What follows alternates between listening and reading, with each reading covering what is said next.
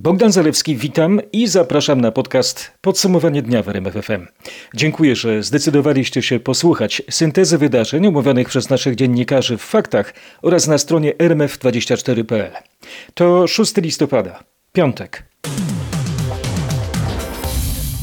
Oto kluczowe wydarzenia, wątki, wypowiedzi i wnioski. Dobowe dane o koronawirusie, najwyższe od początku pandemii w Polsce, z każdym dniem coraz gorzej. Nowe obostrzenia opublikowane w Dzienniku Ustaw wchodzą w życie z piątku na sobotę. 10 miliardów złotych dla przedsiębiorców od rządu w 10 punktach nowego planu pomocowego premiera Mateusza Morawieckiego. Prezydent Trzaskowski nie zgodzi się na Marsz Niepodległości. Ma w ręku bardzo poważny argument od sanepidu. Dał nam jednak kiepski przykład, jak uważać mamy, ostentacyjnie uczestnicząc ostatnio w demonstracjach w Warszawie.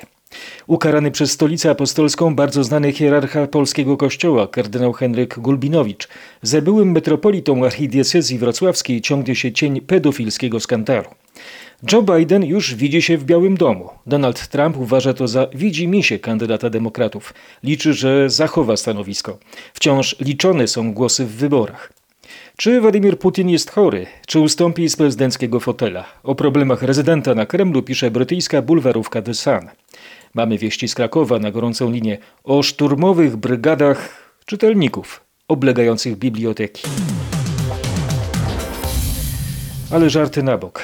445 zgonów i to tylko w ciągu 24 godzin. Według resortu zdrowia 58 osób zmarło z powodu COVID-19, a 387 osób miało choroby współistniejące.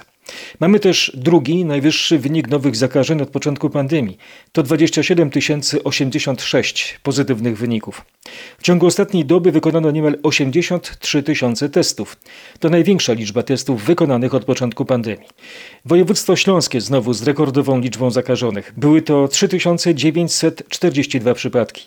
To najwięcej w kraju. Marcin Buczek o miejscach dotkniętych koronawirusem. W Śląskiem 32 przypadki zakażeń wykryto w domu pogodnej starości w Bełku. Zachorowało też ponad 20 pracowników w Zagłębiowskim Centrum Onkologii w Dąbrowie Górniczej oraz 18 sióstr karmelitanek w Sosnowcu. W Zawierciu z kolei potwierdzono ponad 10 zakażeń w tamtejszym MOPSie oraz Centrum Pomocy Rodzinie. Co najmniej jedno zakażenie potwierdzono już także w Domu Pomocy Społecznej w Knurowie. Osoba ta została odizolowana, ale w poniedziałek do placówki przyjedzie wojskowy wymazobus, aby pobrać próbki łącznie od 120 osób, pensjonariuszy i pracowników. W ostatnich dniach w regionie uruchomiono również dodatkowe punkty do pobierania wymazów w Zawierciu, Żorach i Żywcu.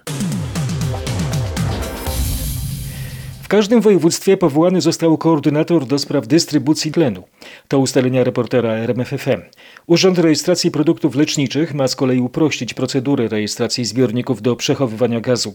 W wielu miejscach w szpitalach brakuje tlenu, bo przy tak drastycznym wzroście liczby chorych zużycie tlenu zwiększyło się o kilka tysięcy procent, ustalił Mariusz Piekarski.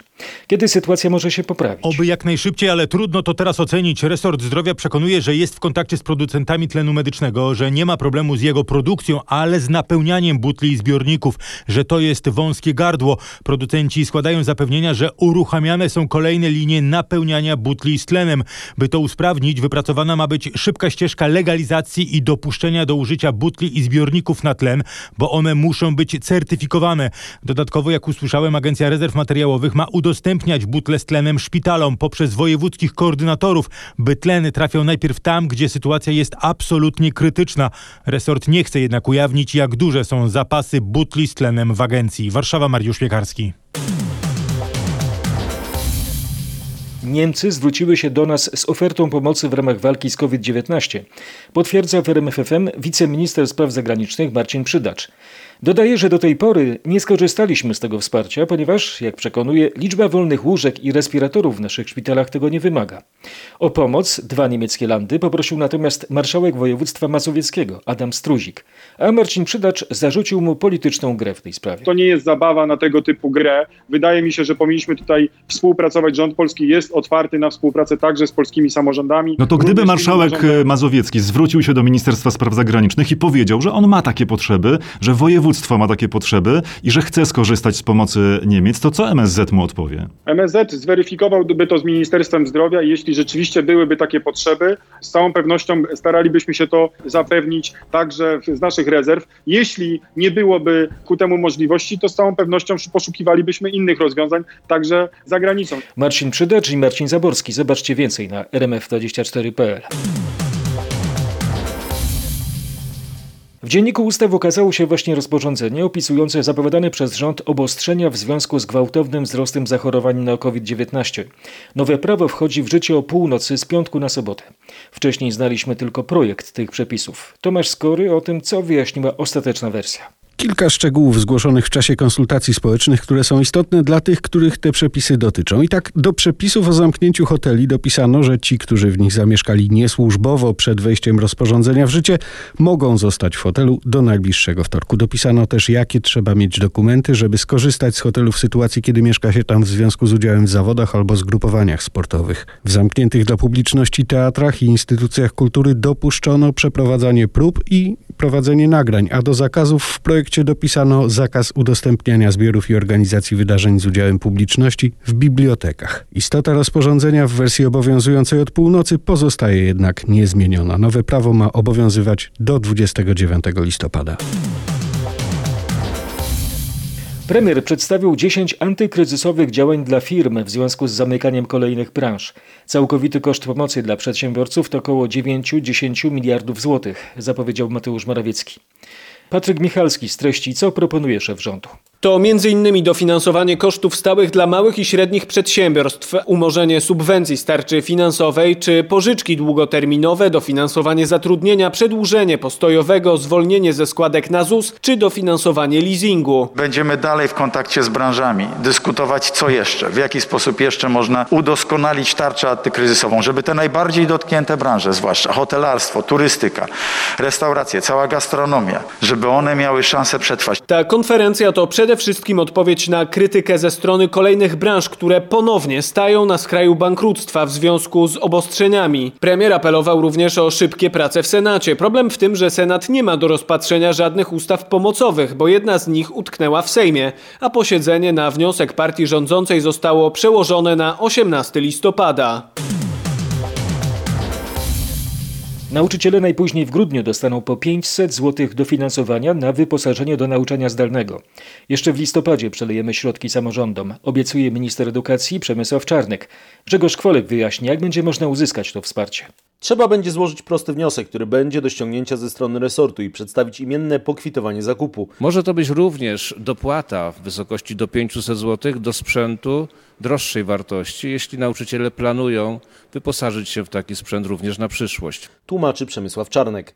Za mało i za późno, komentuje nauczycielka historii z jednego z warszawskich liceów. Już cały sprzęt, który miał być posiadany. Patrycja Malanowicz dodaje, że te środki lepiej byłoby przeznaczyć na wprowadzenie prawdziwej, internetowej nauki we wszystkich szkołach. Kilkadziesiąt osób z branży eventowej protestowało w pasażu Schillera w Łodzi. Technicy sceny, osoby organizujące konferencje i koncerty, DJ-e żalą się, że nie zarabiają od miesięcy. Bardzo szybko i bardzo krótko powiem, dlaczego sytuacja w branży eventowej, targowej, konferencyjnej, w kulturze i sztuce wygląda tak bardzo źle. Otóż nie pracujemy od marca. To jest ósmy miesiąc, kiedy nie pracujemy. Proszę mi znaleźć drugą branżę, która wytrzymała tyle bez pracy. No po prostu nie ma tej branży, no praktycznie nie ma. Jeszcze ja teraz próbuję się przebranżowić, robić jakieś studio, coś co umiem robić, czego się wyuczyłem przez te 40 parę lat. Natomiast y, bra praktycznie branży nie ma w tej chwili. Z protestującymi rozmawiała nasza reporterka Magdalena Greindert. Branża gastronomiczna wciąż czeka na konkrety w sprawie rekompensat za zamknięte lokale. Restauratorzy czy właściciele barów szukają sposobów, aby w czasie lockdownu przetrwać.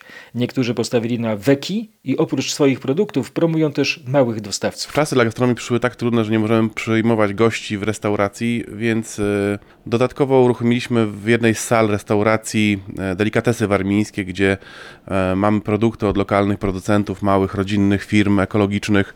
Sami robimy też kiszonki, takie jak kalafior z żurawiną, czy mm, kiszona dynia z ananasem, e, nasze przetwory rybne. E, Ostatnio robimy też zupy w słoikach, gdzie można sobie zamówić zupę w słoiku do domu, samemu ją odgrzać. Sprzedając w swoich delikatesach produkty innych, pokazujecie, że też sama branża gastronomiczna się wspiera. Tak, branża gastronomiczna mm, w jakimś stopniu się wspiera. My chcemy wspierać naszych e, dostawców, chcemy, aby oni też nie odczuli e, tak e, tego lockdownu gastronomii, tak jak my odczuwamy. Z Tomaszem Szmitkowskim, właścicielem restauracji w Olsztynie, rozmawiał nasz reporter Piotr Bułakowski. Sposób, w jaki zostaliśmy zamknięci, uważam za nielogiczny i niesprawiedliwy, mówi gość porannej rozmowy w RMFFM Daniel Pawełek. Właściciel pięciu restauracji w Warszawie w rozmowie z Robertem Mazurkiem Powołam się tutaj na e, brytyjski przykład, kiedy zamykają restauracje z tygodniowym wyprzedzeniem i mówią im, no im płacili 85% wypłaty. To jest bardzo czysta, klarowna informacja, która uspokaja wszystkich. Jeżeli chcemy zadbać o to, żeby było mniej COVID-u, to wtedy ci ludzie naprawdę siedzą w domu i przestrzegają e, obostrzenia. Posłuchajcie całej rozmowy na rmf24.pl. Leki przeciwzapalne, których używają osoby z chorobami jelit, mogą zmniejszać ryzyko ciężkiego przejścia COVID-19. To zaskakujący wniosek z najnowszych badań prowadzonych przez Polskie Towarzystwo Gastroenterologiczne. Potwierdzają one wcześniejsze ustalenia naukowców z Chin i Włoch. Osoby z chorobami jelit powinny teraz szczególnie uważać, podkreśla profesor Grażyna Rydzewska ze szpitala MSWiA w Warszawie. Dalej rekomendujemy jak najmniejszy kontakt, wszystkie zasady postępowania, które są w tej chwili w pandemii. Natomiast uspokajamy też trochę, że generalnie prawdopodobieństwo ciężkiego przejścia tej infekcji nie jest u tak wysokie. Natomiast nam się wydaje, że ci pacjenci rzadziej chorują objawowo. O czym jeszcze w środku epidemii powinny wiedzieć osoby z chorobami jelit? Więcej informacji o wynikach badań polskich lekarzy mamy na portalu Twoje zdrowie rmf24.pl. Do ponad 60 600 wzrosła liczba zgłoszonych przez chińskie władze zakażeń brucelozą w mieście Lanzhou na północnym zachodzie kraju, do których doszło w wyniku wycieku bakterii z fabryki produkującej zwierzęce szczepionki przeciwko tej chorobie. Do zakażeń doszło z powodu wycieku bakterii brucelozy, znanej również jako gorączka maltańska z zakładu produkującego szczepionki dla zwierząt. Wyciek nastąpił latem 2019 roku, ale władze ujawniły skalę problemu dopiero w październiku. Przez długi czas nie leczono również zakażonych, co wielu odebrało możliwość zastosowania skutecznej terapii. Przedstawiciel Biura Rolnictwa Władz Lanżu poinformował również na konferencji prasowej, że ośmiu pracowników zakładu zostało zwolnionych z pracy lub otrzymało ostrzeżenia w związku z wyciekiem, podał Global Times. Chiński portal Seixin opisywał we wrześniu dotkliwe skutki choroby, które ponad rok od wycieku wciąż utrudniają życie zakażonym mieszkańcom Lanżu, w tym silny ból stawów, opuchliznę kończyn i nawracające fale gorączki. Bruceloza zwykle atakuje owce, bydło, kozy, trzody chlewną i psy. Według amerykańskich centrów kontroli i zapobiegania chorobom, przeniesienie bakterii z człowieka na człowieka jest skrajnie rzadkie i może do niego dojść przykład podczas karmienia piersią. Światowa Organizacja Zdrowia bierze pod lupę fermy norek na całym świecie, po tym jak Dania nakazała wybicie u siebie wszystkich tych zwierząt z powodu mutacji SARS-CoV-2. Obserwujemy to od miesięcy i teraz wiemy, że norki zakaziły się przez kontakt z człowiekiem. Wirus krąży wśród zwierząt, a potem może wrócić do ludzi, mówiła Maria van Kerkove, ekspert do spraw chorób wirusowych i epidemii z ramienia WHO. Zdaniem specjalistów norki wydają się być znacznie bardziej podatne na infekcje niż inne zwierzęta hodowlane. Od poniedziałku wejdą w życie zmiany związane z przekraczaniem granicy z Czechami. Polska znalazła się na liście krajów wysokiego ryzyka zachorowania na COVID-19. Nasz kraj zabarwił się na czerwono i podróżnych z Polski wjeżdżających na terytorium Czech będą obowiązywać spore ograniczenia. Między innymi obowiązek wykonywania testów na koronawirusa. Anna Kropaczek zna szczegóły. Są wyjątki. Jakie? Zwolnieni z wykonywania testów będą pracownicy transportu międzynarodowego, pracownicy transgraniczni, uczniowie i studenci, którzy przekraczają granicę przynajmniej raz w tygodniu, by dostać się do szkoły, oraz osoby, które w ciągu 12 godzin przejeżdżać będą przez Czechy tranzytem lub będą podróżować do Czech na czas nie przekraczający 12 godzin z pilnych powodów zdrowotnych, rodzinnych, biznesowych lub zawodowych. Jeśli ktoś zamierza przebywać w Czechach dłużej, musi zrobić test i w ciągu 5 dni przekazać wynik służbom sanitarnym. Na razie nie ma mowy o tym, by wrócić miały posterunki na granicach, ale podróżni muszą się liczyć z kontrolą zarówno tuż po przekroczeniu granicy, jak i w głębi kraju. Marsz Niepodległości przejdzie przez Warszawę. Rafał Trzaskowski nas nie powstrzyma, twierdzą organizatorzy corocznego przemarszu przez Warszawę 11 listopada. Prezydent stolicy zapowiedział w piątek, że nie wyda zgody na organizację marszu, m.in. ze względu na negatywne opinie sanepidu. Paweł Balinowski pytał organizatorów pochodu, dlaczego nie zamierzają z niego rezygnować. Po pierwsze mówią, że tu cytat, nie będą poddawać się presji liberalnych polityków, po drugie argumentują, że skoro w Warszawie odbyły się duże protesty strajku kobiet, to i do Marszu Niepodległości powinno dojść. Mateusz Marzoch, wiceprezes Stowarzyszenia Marsz Niepodległości twierdzi poza tym, że rozważane są różne formy pochodu tak, by dostosować marsz do sytuacji epidemicznej. Nie zdradza jednak o jakie formy dokładnie chodzi. W opiniach, na które powoływał się Rafał Trzaskowski nie wyrażają Zgody na organizację marszu, czytamy m.in., że tak duże zgromadzenie nie może się odbyć, bo narusza aktualny stan prawny, może też spowodować duży wzrost zakażeń koronawirusem i przeciążenie służby zdrowia. We Wrocławiu w piątek doszło do demonstracji. Na ulice miasta ponownie wyszli przeciwnicy zaostrzenia prawa aborcyjnego. Protestowali też psychiatrzy i psychologowie. Dlaczego? Wytłumaczy Paweł Pyclik. Prawo nie może wymagać od kobiety donoszenia ciąży z wadami ze względu na koszty psychiczne i fizyczne. To zdanie psychologów i psychiatrów, którzy popierają postulaty strajku kobiet. Spotykają się oni za około kwadrans przed Urzędem Wojewódzkim. Dołączą do uczestników strajku generalnego, którzy po 17 ruszą z placu społecznego. Trasa nie jest jeszcze znana. Wiadomo za to, że zmotoryzowani będą w tym samym czasie blokować ulice w centrum miasta. Pojadą też w kierunku Bielan. W Brukseli coraz więcej inicjatyw Solidarności ze strajkiem kobiet w Polsce. Jak donosi nasza dziennikarka Katarzyna Szymańska-Borginą, zapowiedziana jest manifestacja w dzielnicy europejskiej, a eurodeputowani piszą list do polskich władz. Kongres Kobiet w Brukseli organizuje 11 listopada manifestację poparcia dla protestujących przeciwko ograniczeniu w Polsce prawa do aborcji. Wielu eurodeputowanych zamierza na najbliższej sesji Parlamentu Europejskiego wystąpić z logo strajku kobiet. Temat ograniczenia prawa kobiet w Polsce będzie dyskutowany w Europarlamencie. Przygotowywana jest także specjalna rezolucja w tej sprawie, a już teraz grupa ponad 100 europosłów wezwała w otwartym liście polskie władze do dialogu i wysłuchania postulatów protestujących. List powstał z inicjatywy europosłanek z frakcji Zielonych Thierry Rentke i Sylwii Spurek. Ten wyrok należał się osobom, które zostały przez kardynała Henryka Gulbinowicza skrzywdzone. Tak mówi ksiądz Rafał Kowalski, rzecznik prasowy archidiecezji wrocławskiej. Jak ogłosiła nuncjatura apostolska, były metropolita wrocławski ma zakaz uczestnictwa w jakichkolwiek celebracjach lub spotkaniach publicznych oraz używania insygniów biskupich. Pozbawiono go też prawa do pogrzebu i pochówku w katedrze. Sprawę tak skomentował ksiądz Rafał Kowalski. Surowszą karą właściwie od tej byłoby tylko i wyłącznie wydalenie ze stanu duchownego. Surowość zastosowanych sankcji pokazuje, że zarzuty stawiane księdzu kardynałowi w przestrzeni publicznej w trakcie tego dochodzenia, które było prowadzone się, się potwierdziły. Pewne osoby zostały skrzywdzone przez duchownego, który tej decyzji przewodził. I to jest dla nas trudne, tym osobom tak naprawdę należy się słowo przepraszam. Nałożone na 97-letniego duchownego kary to efekt dochodzenia przeprowadzonego pod nadzorem Watykanu Watykanu. Dotyczyło ono tuszowania przypadków pedofilii wśród kapłanów i czynów samego kardynała.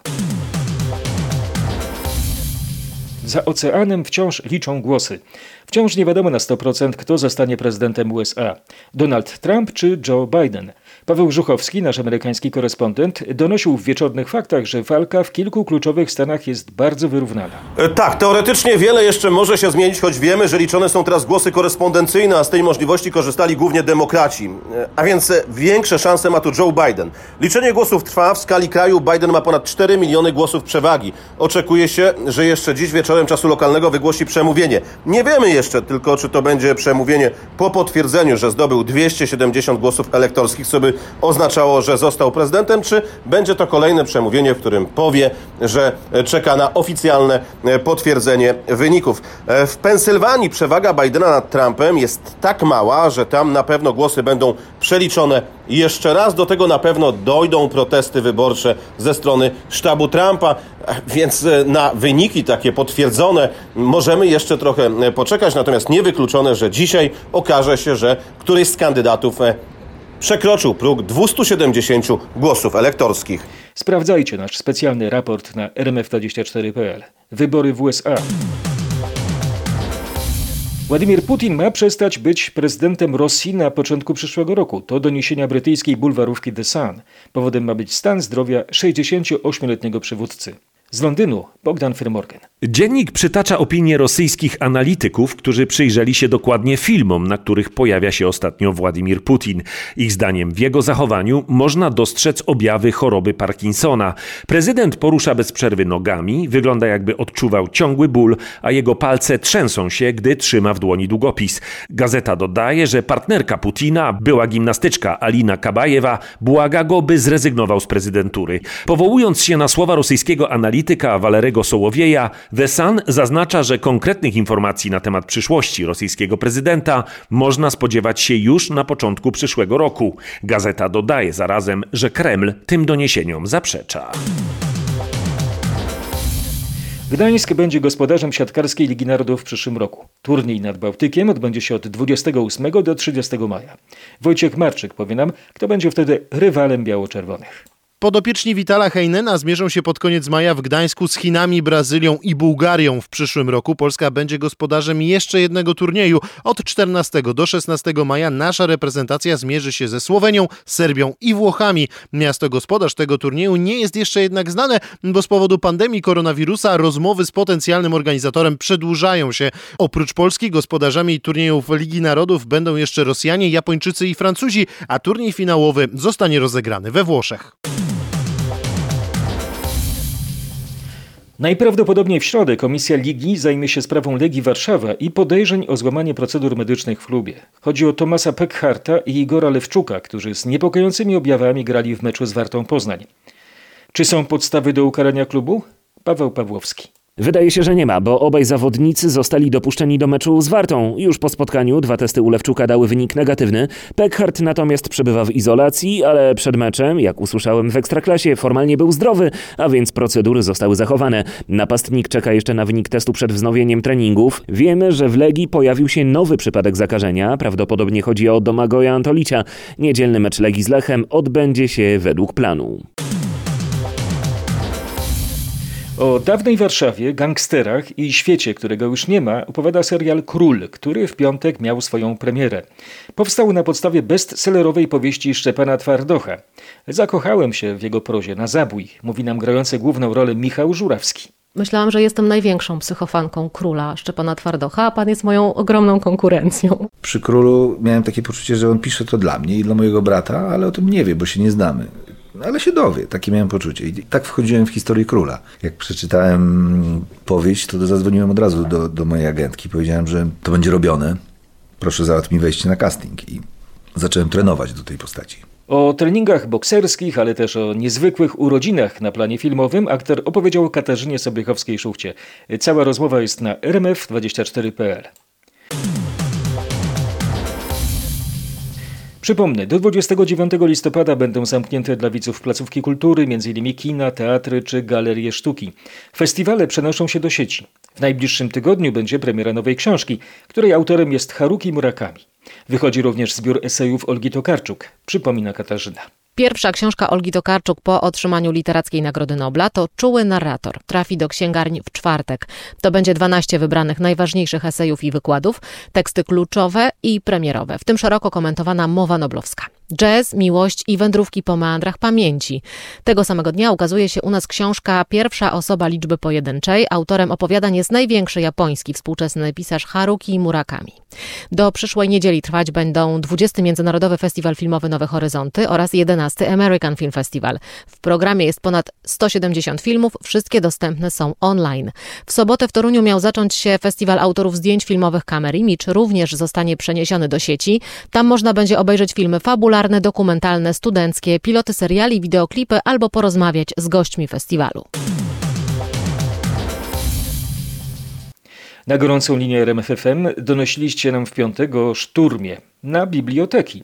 W Krakowie czytelnicy tłumnie ruszyli po książki. Jest takie oblężenie przez wypożyczających, że się stoi w długich kolejkach po godzinie nawet. Ludzie się rzucili na książki, żeby się zabezpieczyć mhm. i móc czytać. Ja już nawet te same panie w trzech chwilach spotykałam i żeśmy rozmawiały w kolejce, jak, mhm. jak na filmach Barei. Przekazała nam jedna ze słuchaczek.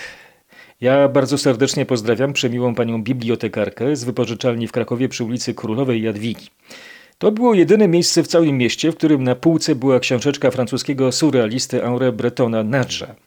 Przepiękna opowieść o Paryżu sprzed wielu lat, o artystach i miłości do tajemniczej kobiety. Oto jedno z enigmatycznych zdań wypowiedzianych przez Nadrze. Nie obciążać swoich myśli ciężarem noszonych butów. Kiedy czytałem te słowa, pomyślałem, że ołowiane obuwie mogłoby być symbolem naszych czasów. Bądźcie dobrej myśli. Ciężkie buty na bok. Bogdan Zalewski, dziękuję Wam za słuchanie podcastów przez całe dwa tygodnie. W poniedziałek możecie mnie usłyszeć w porannych faktach. Zapraszam.